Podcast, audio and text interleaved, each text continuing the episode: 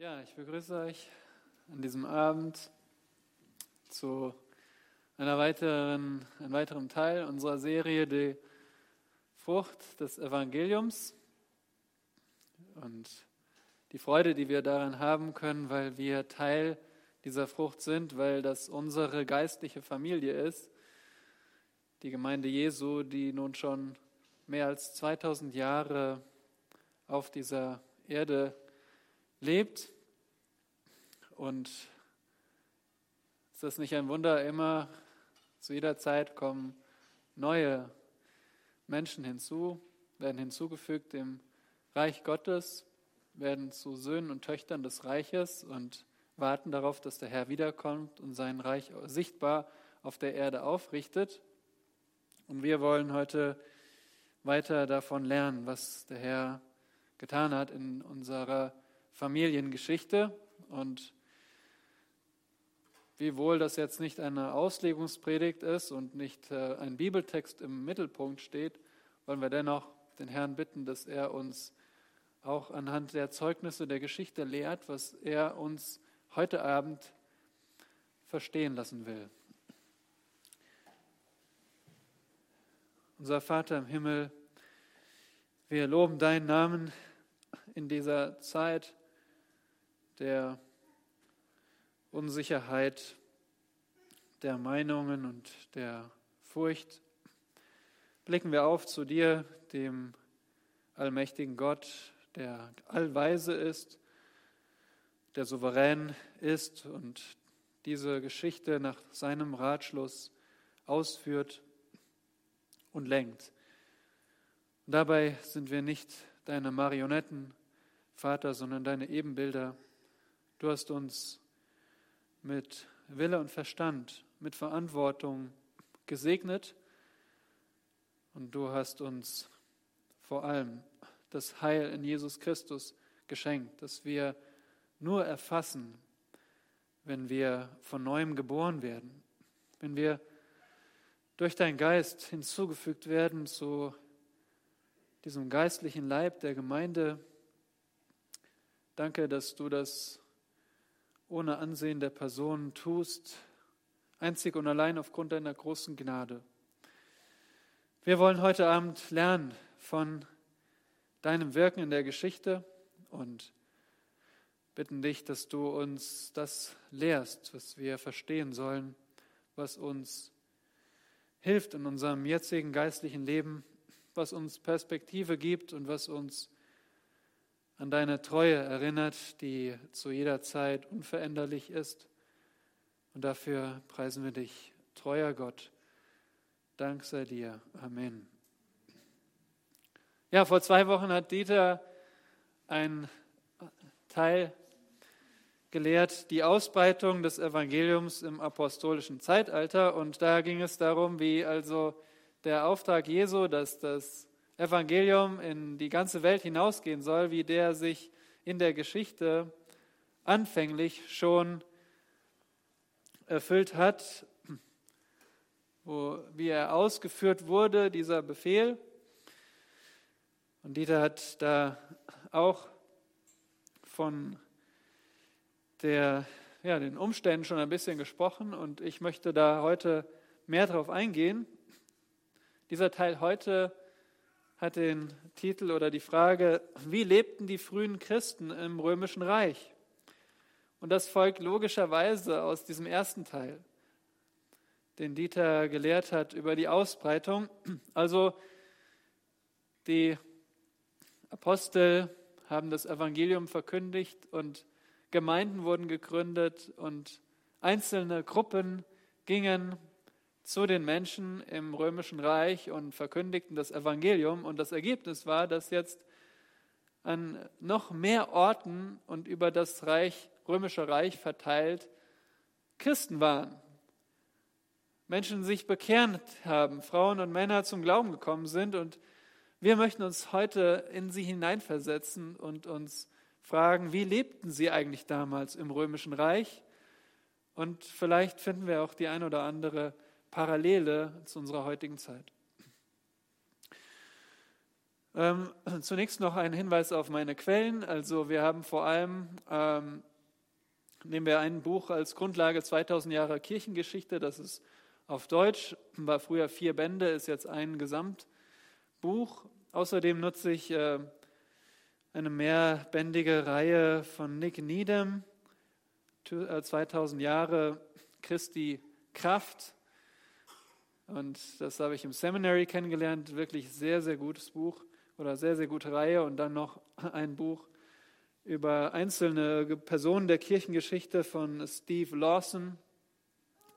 Und anhand dieser Quellen, also wenn man sich allein anschaut, was Sierzin oder ein Needham an, an Büchern zitieren oder in, ihrer, äh, in ihrem Literaturver Literaturverzeichnis haben, dann sieht man, wow, ich könnte gar nicht all diese Bücher lesen, wie gut, dass es Männer gibt, die das studiert haben. Und deswegen kann man auch mit relativ wenigen Quellen eine gute Übersicht bekommen. Nun, worum geht es heute? Wie lebten die frühen Christen im Römischen Reich? Dazu drei Punkte. Einmal müssen wir verstehen, was war eigentlich das Römische Reich? Wie war es gekennzeichnet? Dann natürlich, was uns interessiert, ist, wie beteten die Christen an? Wie war das? Äh, wie haben sie Gott angebetet? Und dann, wie lebten sie so in ihrer Gesellschaft? Wie sah ihr alltägliches Leben aus in einer gottlosen Gesellschaft? Und in solcher befinden wir uns auch. Und von daher ist es aus meiner Sicht sehr interessant, sich diese äh, Frage zu stellen. Zunächst die Kennzeichen des Römischen Reichs. Dazu eine Bibelstelle aus Daniel Kapitel 2. Aus Zeitgründen werden wir jetzt nicht da im Detail darauf eingehen, aber ähm, Daniel war in Babylon und der König Nebukadnezar, der Herrscher über das babylonische Reich, hatte einen Traum, den Daniel ihm deutete. In diesem Traum sah er ein Standbild und dieses Standbild hatte verschiedene Bestand oder Schichten und da sehen wir, denke ich, gleich das Bild. Das Haupt aus Gold, dann Silber, Bronze und Ton gemischt mit Eisen, die Beine. Und äh, Daniel erklärt ihm, dass das vier Weltreiche sind, die aufeinander folgen. Und das erste Weltreich wurde auch klar gesagt, das bist du. Das ist das babylonische Reich. Und aus der Geschichte sehen wir dann, wie diese Weltreiche aufeinander folgen, auch wenn sie hier nicht mit Namen genannt werden. Das vierte Weltreich, was auf die anderen Weltreiche folgt, also zunächst das babylonische Reich, dann wurde es abgelöst durch welches Reich? Ja, das Medo-Persische Reich. Nach dem Medo-Persischen Reich kam das griechische Weltreich und das griechische Weltreich wurde abgelöst durch das römische. Und das lesen wir in Daniel 2, 40 bis 43. Dort sagt Gottes Wort, und ein viertes Königreich wird sein, so stark wie Eisen, ebenso wie Eisen alles zermalmt und zertrümmert, und wie Eisen alles zerschmettert, so wird es auch jene alle zermalmen und zerschmettern. Dass du aber die Füße und Zehen teils aus Töpferton und teils aus Eisen bestehend gesehen hast, bedeutet, dass das Königreich gespalten sein wird, aber es wird etwas von der Festigkeit des Eisens in ihm bleiben, gerade so wie du das Eisen mit lehmigem Ton vermengt gesehen hast. Und wie die Zehen seiner Füße teils aus Eisen und teils aus Ton waren, so wird auch das Reich zum Teil stark und zum Teil zerbrechlich sein. Dass du aber Eisen mit Tonerde vermengt gesehen hast, bedeutet, dass sie sich zwar untereinander vermischen, aber doch nicht aneinander haften werden, wie sich ja Eisen mit Ton nicht vermischt. Das Interessante ist, in dem Bild haben wir gesehen, dass da ein Stein kommt und dass das wieder in neuer Form äh, aufstehen wird. Und zwar bevor der Messias wiederkommt. Das heißt, das reicht bis in unsere Zeit und unsere Zukunft hinein. Dieses römische Reich wird in einer anderen Form wieder aufstehen und deswegen, ja, können wir auch, äh, wird es noch interessanter, sich zu fragen, wie die Christen in diesem römischen Reich lebten. Nun, was kennzeichnete das römische Reich? Kurz drei Kräfte des Zusammenhalts. Wir sehen als erstes hier gleich nochmal eine Übersichtskarte über das römische Reich. Es erstreckte sich also um das Mittelmeer herum. Und äh, ja, wir sehen hier das heutige Spanien, Frankreich, Italien, Griechenland, Türkei, Syrien und Israel, Ägypten, Nordafrika, all das war römisches Reich, ein großes Reich. Und was hielt dieses Reich zusammen? Nun erstens die Loyalität dem Kaiser. Und äh, das römische Reich begann nicht mit einem Kaiser, aber es gab Bürgerkriege und die riefen nach einem starken Herrscher. Ja, innere Zwistigkeiten, das Rufen einem starken Herrscher und so kam das, dieser starke Herrscher, vor allem einer, nämlich Augustus, der Augustus, zu dessen Zeit Jesus geboren wurde. Und dieser Augustus, der Erhabene heißt das einfach, er war dieser erfolgreiche Retter der Ordnung. Und er verteidigte das Reich gegen Perser und gegen Germanen. Zweitens, was hielt das Reich zusammen? Eine vereinte Wirtschaft. In dem Bild haben wir gesehen, dass äh, das Römische Reich sich um das Mittelmeer erstreckte und so war, waren diese Städte am Mittelmeer gut vernetzt im Handel und das vereinte dieses Reich, die Wirtschaft. Und drittens eine einigende Kultur. Und das hat Dieter schon angesprochen in seiner, seinem Vortrag über die begünstigenden, Faktoren der Heidenmission, nämlich dass es eine, eine Sprache gab. Und welche Sprache war das, die jeder konnte? Griechisch. Und das äh, war eine, eine einigende Kraft, nämlich griechische Sprache und Kultur. Und die wurden über diesen Mittelmeerraum verteilt. In welchem Weltreich? Im dritten, vorhergehenden Weltreich, nämlich in dem griechischen Weltreich. Da wurde das, diese Grundlage gelegt. So, was war noch Kennzeichen des Römischen Reiches? Nicht nur diese dieser Zusammenhalt, sondern auch Religion. Wir schauen uns vier Formen der Religion an. Entschuldigung. Erstens das Heidentum. Und da denkt ihr an euren Schulunterricht und an die ganzen Götter, die es gab und zum Beispiel Zeus oder wie sie alle heißen. Das war so, was wir jetzt Heidentum nennen, also dieses Heer von Göttern. Und die waren alle für unterschiedliche Lebensbereiche zuständig, ja, und sollten Segen bringen, also Wohlergehen, Ernte und Familienglück und, und äh, Siege im, im Kampf. Ich denke, Mars war das, der äh, Kriegsgott als Beispiel. Also das war eine Religion. Dann gab es noch eine zweite Religion, nämlich die Kaiseranbetung. Und der Erfolg Roms war mit, dem, mit der Person des Kaisers verknüpft. Und deswegen ist man dazu übergegangen, den Kaiser anzubeten. Und es gab diesen Kaiserkult. Eine dritte Form der Religion waren Sekten. Und zwar kamen die vor allem vom, vom Osten, östliche Sekten, die waren gekennzeichnet von geheimen Riten und sinnliche Zeremonien und die haben ewiges Leben versprochen. Vielleicht kennt ihr eine von diesen Sekten aus dem Schulunterricht. Ich erinnere mich noch, das wurde bei uns behandelt, der sogenannte Mithras-Kult. Habt ihr schon mal davon gehört? Nee? Okay. Also das waren, waren, waren diese Sekten, wo es eine Mitgliedschaft ging, gab und bestimmte Riten. Und eine vierte Form der Religion ist die Philosophie. Und ratet mal, welch, wessen, welchen Ursprung diese Philosophie hatte im Römischen Reich? Griechisch, na klar, weil Griechenland, das griechische Reich kam ja davor. Und diese Philosophien, die werdet ihr auch in unserem heutigen gesellschaftlichen Denken wiederfinden. Drei will ich euch kurz beschreiben. Das erste ist der Platonismus. Platonismus, da, der lehrte, dass, dass es einen Gott gibt, ja, und dass die wahre Realität nicht anfassbar ist. Die wahre Realität sind Ideen, Ideen, ja, die man nicht anfassen kann. Und das ist die wahre Realität. Außerdem, dass der Mensch eine ewige Seele hat und dass er mit Gott mehr, mehr äh, gemeinsam hat als mit dieser materiellen Welt. Und das Ziel des Lebens ist, dass der Mensch nachsinnt über diese göttlichen Ideen mit dem Ziel, dass er einmal über diese Welt aufsteigt. Durch Nachsinnen. Nun, was sagt Gottes Wort dazu? Was sagt Gottes Wort über diese materielle Welt? Diese Welt hat Gott wie geschaffen?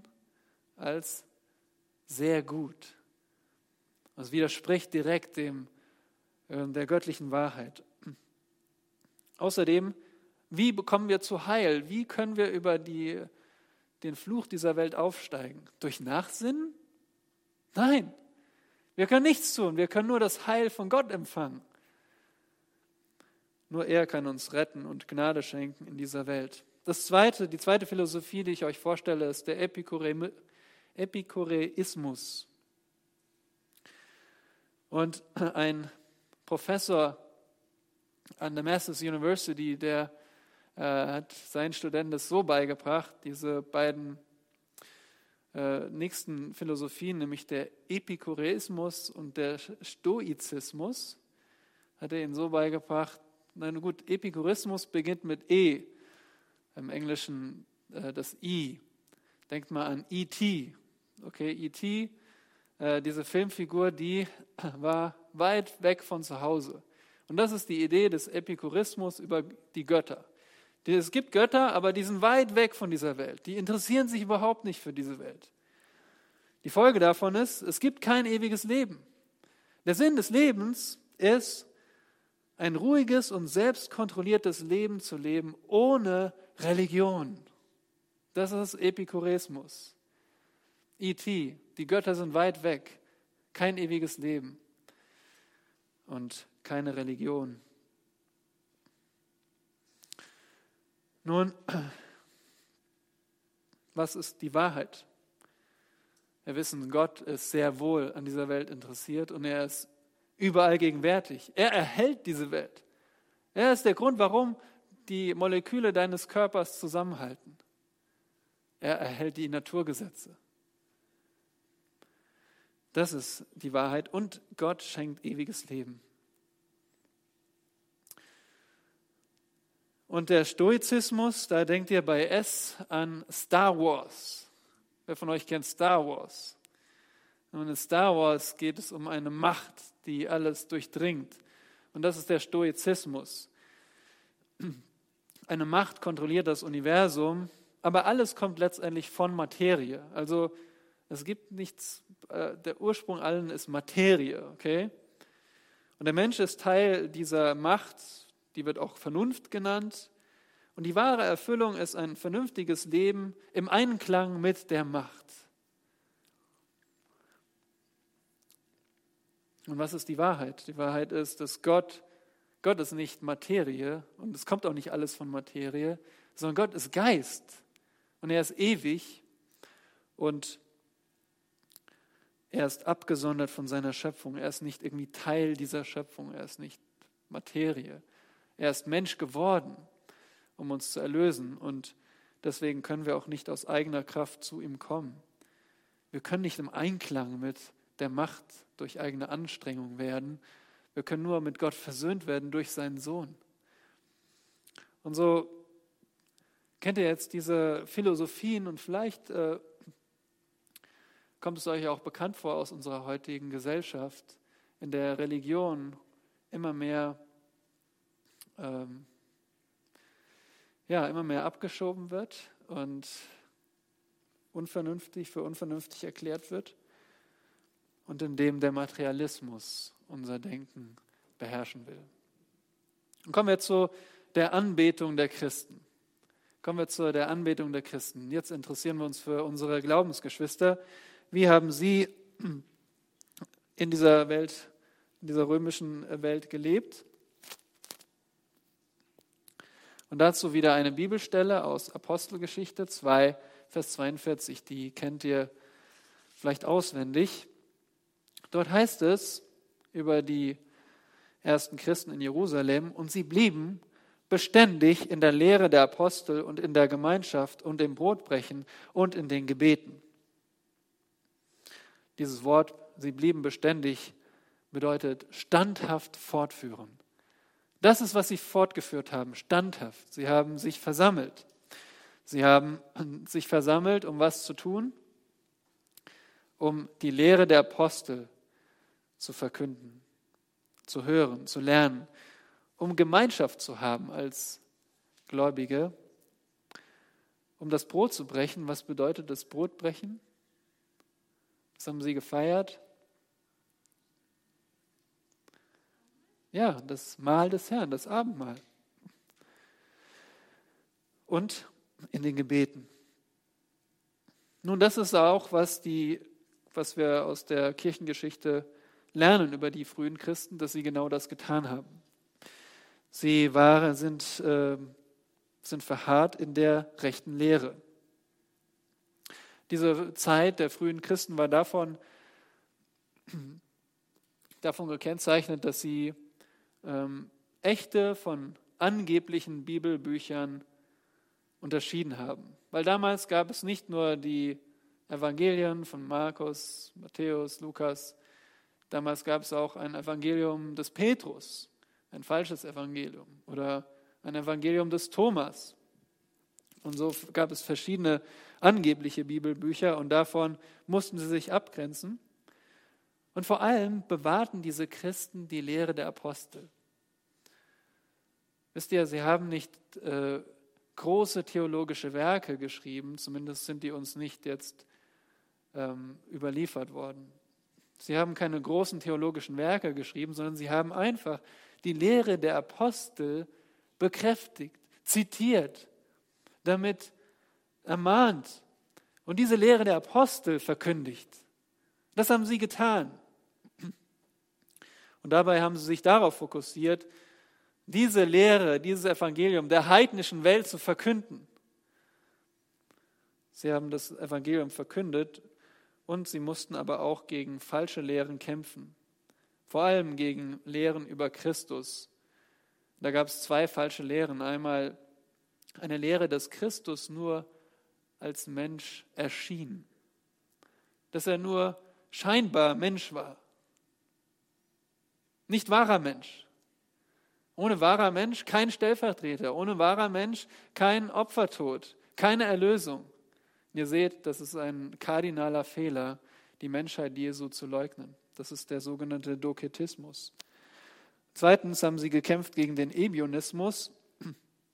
Der lehrte, Christus war, war wahrer Mensch, aber er war nicht mehr als ein großer Prophet, also kein Gott. Jesus ist kein Gott. Jesus ist nicht Gott. Sprich, sein Tod kann uns nicht erlösen, denn ein Mensch kann nicht für die Sünde der Welt sterben. Er ist nicht ein, ein gerechtes, sündloses Opfer. Er hat die Sünde, ähm, auch ein großer Prophet hat Sünde geerbt von Adam, ist in Sünde geboren, kann uns nicht erlösen. Keine, kein Heil, also kein Evangelium. Und ihr seht auch, die Gottheit Jesu zu leugnen, ist ein kardinaler Fehler. Also die ersten Christen haben sich auf die Lehre gegründet. Sie haben auch die Leitung beherzigt.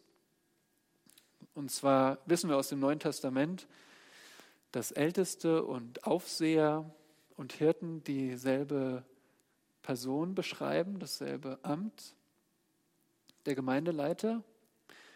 Nun, in dieser Zeit gab es aber auch dann möglicherweise schon in dem ersten Jahrhundert die, diese Gewohnheit, dass ein Leiter über den anderen Leitern steht.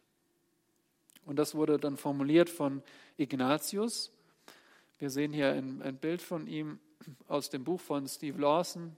Keine Garantie, dass er wirklich so aussah. Aber bei dem Bild denkt ihr vielleicht sogar an, ja, das könnte ein Bischof sein. Und zwar war er auch Bischof was aber nichts anderes heißt als Aufseher der Gemeinde von Antiochia in Syrien. Das war damals die drittgrößte Stadt im Römischen Reich. Und Ignatius kam aus einem heidnischen Elternhaus. Er hat die Christen selbst verfolgt. Aber dann hat er sich bekehrt. Und er wurde ein Gemeindeleiter und er hat gegen Irrlehre gekämpft. Und er hat das Evangelium geglaubt. Und er ist im Kolosseum in Rom ist er als Märtyrer gestorben. Aber dieser Ignatius lehrte auch, dass ein Bischof über mehreren Ältesten in der Gemeinde steht. Aber die Gemeinde sah die Bischöfe nicht als neue Apostel. Also versteht mich nicht falsch. Sie dachten nicht, dass die Apostel Nachfolger haben. Sie dachten nicht, dass jetzt noch mehr zu der Bibel hinzugefügt wird. Es war einfach die Gewohnheit, dass ein Leiter über den anderen Leitern steht. Und wir können uns auch da hineinversetzen, dass das auch ähm, eine Gewohnheit werden kann, wenn man sich überlegt, dass nicht alle Ältesten gleich sind in ihrer Begabung, in ihrer Erfahrung und dass es auch in unserer Gemeinde da Unterschiede gibt.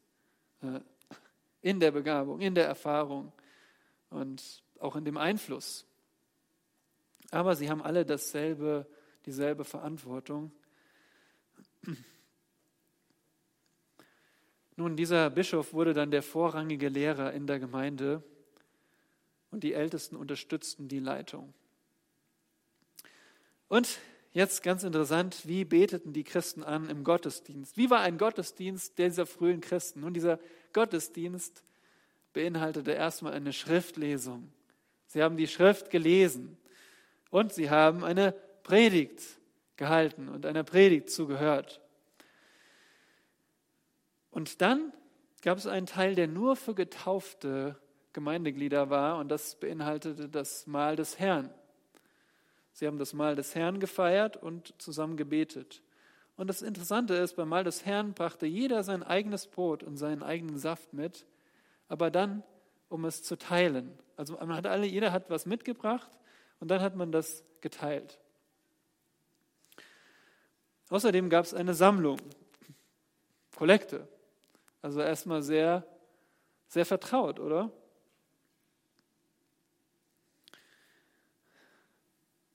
Nun haben sie auch gesungen. Ja, sie haben auch gesungen. Und zwar gab es vor allem erstmal ein Solo und einen Antwortgesang. Also einer hat Solo gesungen und die anderen haben dann eine Antwort gesungen. Und erst später gab es gemeinsamen Gesang, so wie wir das machen, aus den Psalmen und aus dem Alten Testament und auch aus dem Neuen Testament. Aber ohne Instrumente. Das kam wirklich erst sehr viel später. Man hat also ohne Instrumente gesungen, weil man, weil man äh, der Überzeugung war, dass diese Instrumente äh, heidnisch, also mit dem Heidentum verbunden sind. Nun, wie denken wir darüber der, aus der Schrift? Nun, wir wissen, wenn wir die Psalmen lesen, dass Gott Instrumente gut heißt, dass mit den Instrumenten Gott gepriesen wurde. Das ist also nicht falsch. Aber für diese ersten Christen war das so mit dem Heidentum verknüpft, dass sie also im Gottesdienst lieber auf Instrumente verzichteten. Und noch eine interessante Sache, keiner von ihnen war so wie ihr. Keiner von ihnen saß. Der Gottesdienst wurde komplett im Stehen gefeiert. Erst, erst sehr viel später äh, gab es dann überhaupt Sitze im Gottesdienstraum, also man nicht nur beim Beten, sondern die ganze Zeit hat man im Stehen Gottesdienst gefeiert. Kommen wir jetzt zum dritten Punkt, der Wandel der Christen. Und dazu auch wieder eine Bibelstelle, die so den Ton angeben soll, von Petrus, der an die verfolgten Christen schreibt in 1. Petrus 2, Verse 11 bis 12.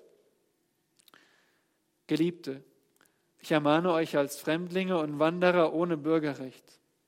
Enthaltet euch der fleischlichen Begierden, die gegen die Seele streiten, und führt einen guten Wandel unter den Heiden, damit sie da, wo sie euch als Übeltäter verleumden, doch aufgrund der guten Werke, die sie gesehen haben, Gott preisen am Tag der Untersuchung. Nun, in dieser Bibelstelle wechselt Petrus jetzt von einem Teil seines Briefes zum nächsten. Er spricht jetzt über den Wandel der Christen in der Welt und gibt diese wichtigen Prinzipien. Er erinnert sie an ihre Identität, dass sie Fremdlinge sind. Ist dir das bewusst, dass diese Welt nicht dein Zuhause ist? Du bist Fremder hier. Du magst vielleicht einen, einen Wohnsitz haben in Berlin, oder Brandenburg, bist dort gemeldet, aber eigentlich bist du Fremder. Du bist nur vorübergehend hier. Du gehörst nicht zu dieser Welt. Und weil du nicht zu dieser Welt gehörst, sagt Petrus, sollst du dich der fleischlichen Begierden enthalten. Das Wichtigste oder die Voraussetzung, um einen guten Wandel in dieser Welt zu leben, ist, dass du zuerst gegen deine eigene Sünde kämpfst. Und zwar, dass du dich dieser fleischlichen Begierden enthältst, dass du sie abweist. Und da gab es viele Begierden, die angestachelt wurden durch die Gesellschaft im Römischen Reich.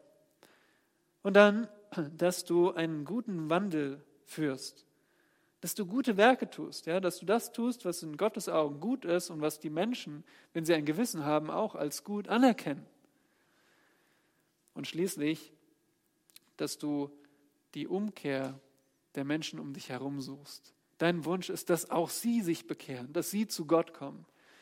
Und dass eine bessere Übersetzung des Wortes hier statt Untersuchung ist Heimsuchung. Dass sie Gott preisen am Tag der Heimsuchung. Und dieses Wort Heimsuchung drückt aus, dass Gott sie mit dem Heil heimsucht, dass Gott sie rettet.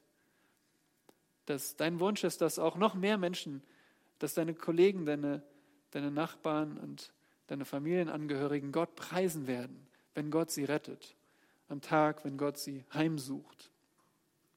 Und das ist eine, ein Vers, der auch zu den ersten Christen passt. Sie haben sich fleischlicher Begierden enthalten, dagegen angekämpft und sie haben einen guten Wandel gezeigt. Und nun ein paar Beispiele aus dem Leben der ersten Christen. Veranstaltungen. Christen hatten echt ein Problem mit Staatsveranstaltungen, weil sie diesen Kaiserkult und die Anbetung von Göttern beinhalteten. Unterhaltung. Christen gingen nicht ins Theater oder auch nicht in den Zirkus, weil dort wurde den Göttern geopfert. Da wurde Gewalt verherrlicht. Da wurde Unmoral und Ehebruch dargestellt. Ja, schon damals war das Storybook dieser ähm, Theaterstücke war Unmoral und Ehebruch. Konnte man sich nicht anschauen. Und sie lasen auch keine Romane von Ungläubigen. Krankenhäuser. Christen hatten ein Problem mit Krankenhäusern, weil dort in den Krankenhäusern kamen die Priester der Götter und haben über den Kranken gebetet. Schulen. Auch Schulen war für Christen schwierig, weil dort wurde heidnische Religion unterrichtet. Berufe. Einige Berufe waren für Christen tabu vor allem der Beruf des Lehrers, der Beruf des Soldaten und die Politik. Und all diese Berufe waren mit heidnischer Religion verknüpft. Einige Christen wurden aber Soldaten und evangelisierten auf ihren Einsätzen. Familie. Christen lehnten diese allgemeine Gewohnheit der leichtfertigen Scheidung ab. Im Römischen Reich wurde leichtfertig geschieden. Ehen wurden geschieden und sie lehnten die Homosexualität ab. Liebe zu Kindern. Christen verwarfen die Abtreibung. Keine neue Idee. Im Römischen Reich, da wurden nicht nur ungeborene Kinder abgetrieben, sondern auch ungewollte Neugeborene getötet. Und mein ja nicht, dass wir nicht irgendwie da, irgendwann dahin kommen, wenn wir so weitermachen, uns von Gott abzuwenden als unser Land. Sie haben Kinder nicht ausgesetzt und sie nicht getötet, wenn sie nicht gewollt waren. Sie haben sie gewollt. Bescheidenheit. Frauen verzichteten auf Prunk. Christen nahmen schlichte Mahlzeiten ein und dankten Gott vor dem Essen. Nächstenliebe. Bei einer Pest in Alexandria 200 nach Christus flohen die Christen nicht, sondern sie waren die, die da blieben und die sich um die Kranken kümmerten und die die Toten bestatteten. Warum haben sie Tote bestattet? Weil der Mensch im Ebenbild Gottes geschaffen ist. Und sie haben gestorbene Körper ähm, wertgeachtet und sie bestattet. Das ist das Ebenbild Gottes. Sie besuchten gefangene Christen und unterstützten Arme und Witwen. Mission. Dieter hat das angedeutet, wie ja, die Art und Weise der Mission, das war durch einzelne Christen, durch lokale Gemeinden, durch einzelne Gruppen. Es gab keine Missionsgesellschaften. Es brauchte auch keine Missionsgesellschaften. Jeder Christ war Zeuge an dem Ort, wo Gott ihn hingestellt hatte. Und so ist das Christentum, hat sich ausgebreitet. Reaktion. Es ist interessant, äh, von Reaktionen zu lesen. Wie haben eigentlich so die Zeitgenossen auf die Christen reagiert? Ein Beispiel von Celsus, einem Philosoph, der die Christen verspottete. Diese Christen, die sind so primitiv. Selbst ungebildete Menschen sind dort willkommen. Und vor allem die Christen laden alle Sünder ein. Sie laden einfach alle Sünder ein. Und sie sagen, dass Gott Gericht übt, aber dass er jedem Gnade schenkt, der an Christus glaubt. Ist dieser Spott nicht willkommen? Lass die ganze Welt uns verspotten dafür, dass wir sagen, komm zu Christus, du Sünder.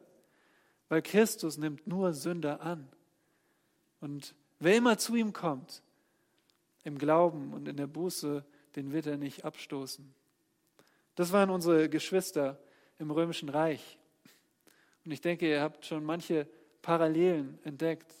Und wir sind ermutigt, dadurch auf unsere Glaubensgeschwister zu schauen. Und wir sind auch nicht überrascht, wenn wir in den nächsten Teilen dieser Serie darüber sprechen, dass die Christen verfolgt wurden. Genau aus dem Grund, weil sie nicht in diese Gesellschaft passten, und weil so wie die Welt Christus hasste, so sie auch die Christen hasste. Dafür, dass sie dem Herrn Jesus Christus als ihrem König folgten und dafür, dass sie unbeirrt das Gute taten. Und so lasst uns dafür danken, dass der Herr unseren Geschwistern treu war und dass er sich durch sie verherrlichte. O Herr Jesus Christus, wir beten dich an als wahrer Mensch und wahrer Gott. Du bist in unsere Welt gekommen als der vollkommene, gerechte Gottessohn. Und du hast uns aus Gnade erlöst, damit wir nun nicht mehr der Ungerechtigkeit leben, sondern dem Willen Gottes, damit wir dich verherrlichen durch Freimut und Freude an dir. Danke für deine Treue zu unseren Geschwistern im Römischen Reich und bitte hilf du uns davon auch Mut zu beziehen und ja, mit Überzeugung für deinen Willen zu leben. In dem ständigen Gebet, dass du doch unsere Mitmenschen errettest aus dieser Welt vor dem kommenden Zorn. Zu deiner Ehre. Amen.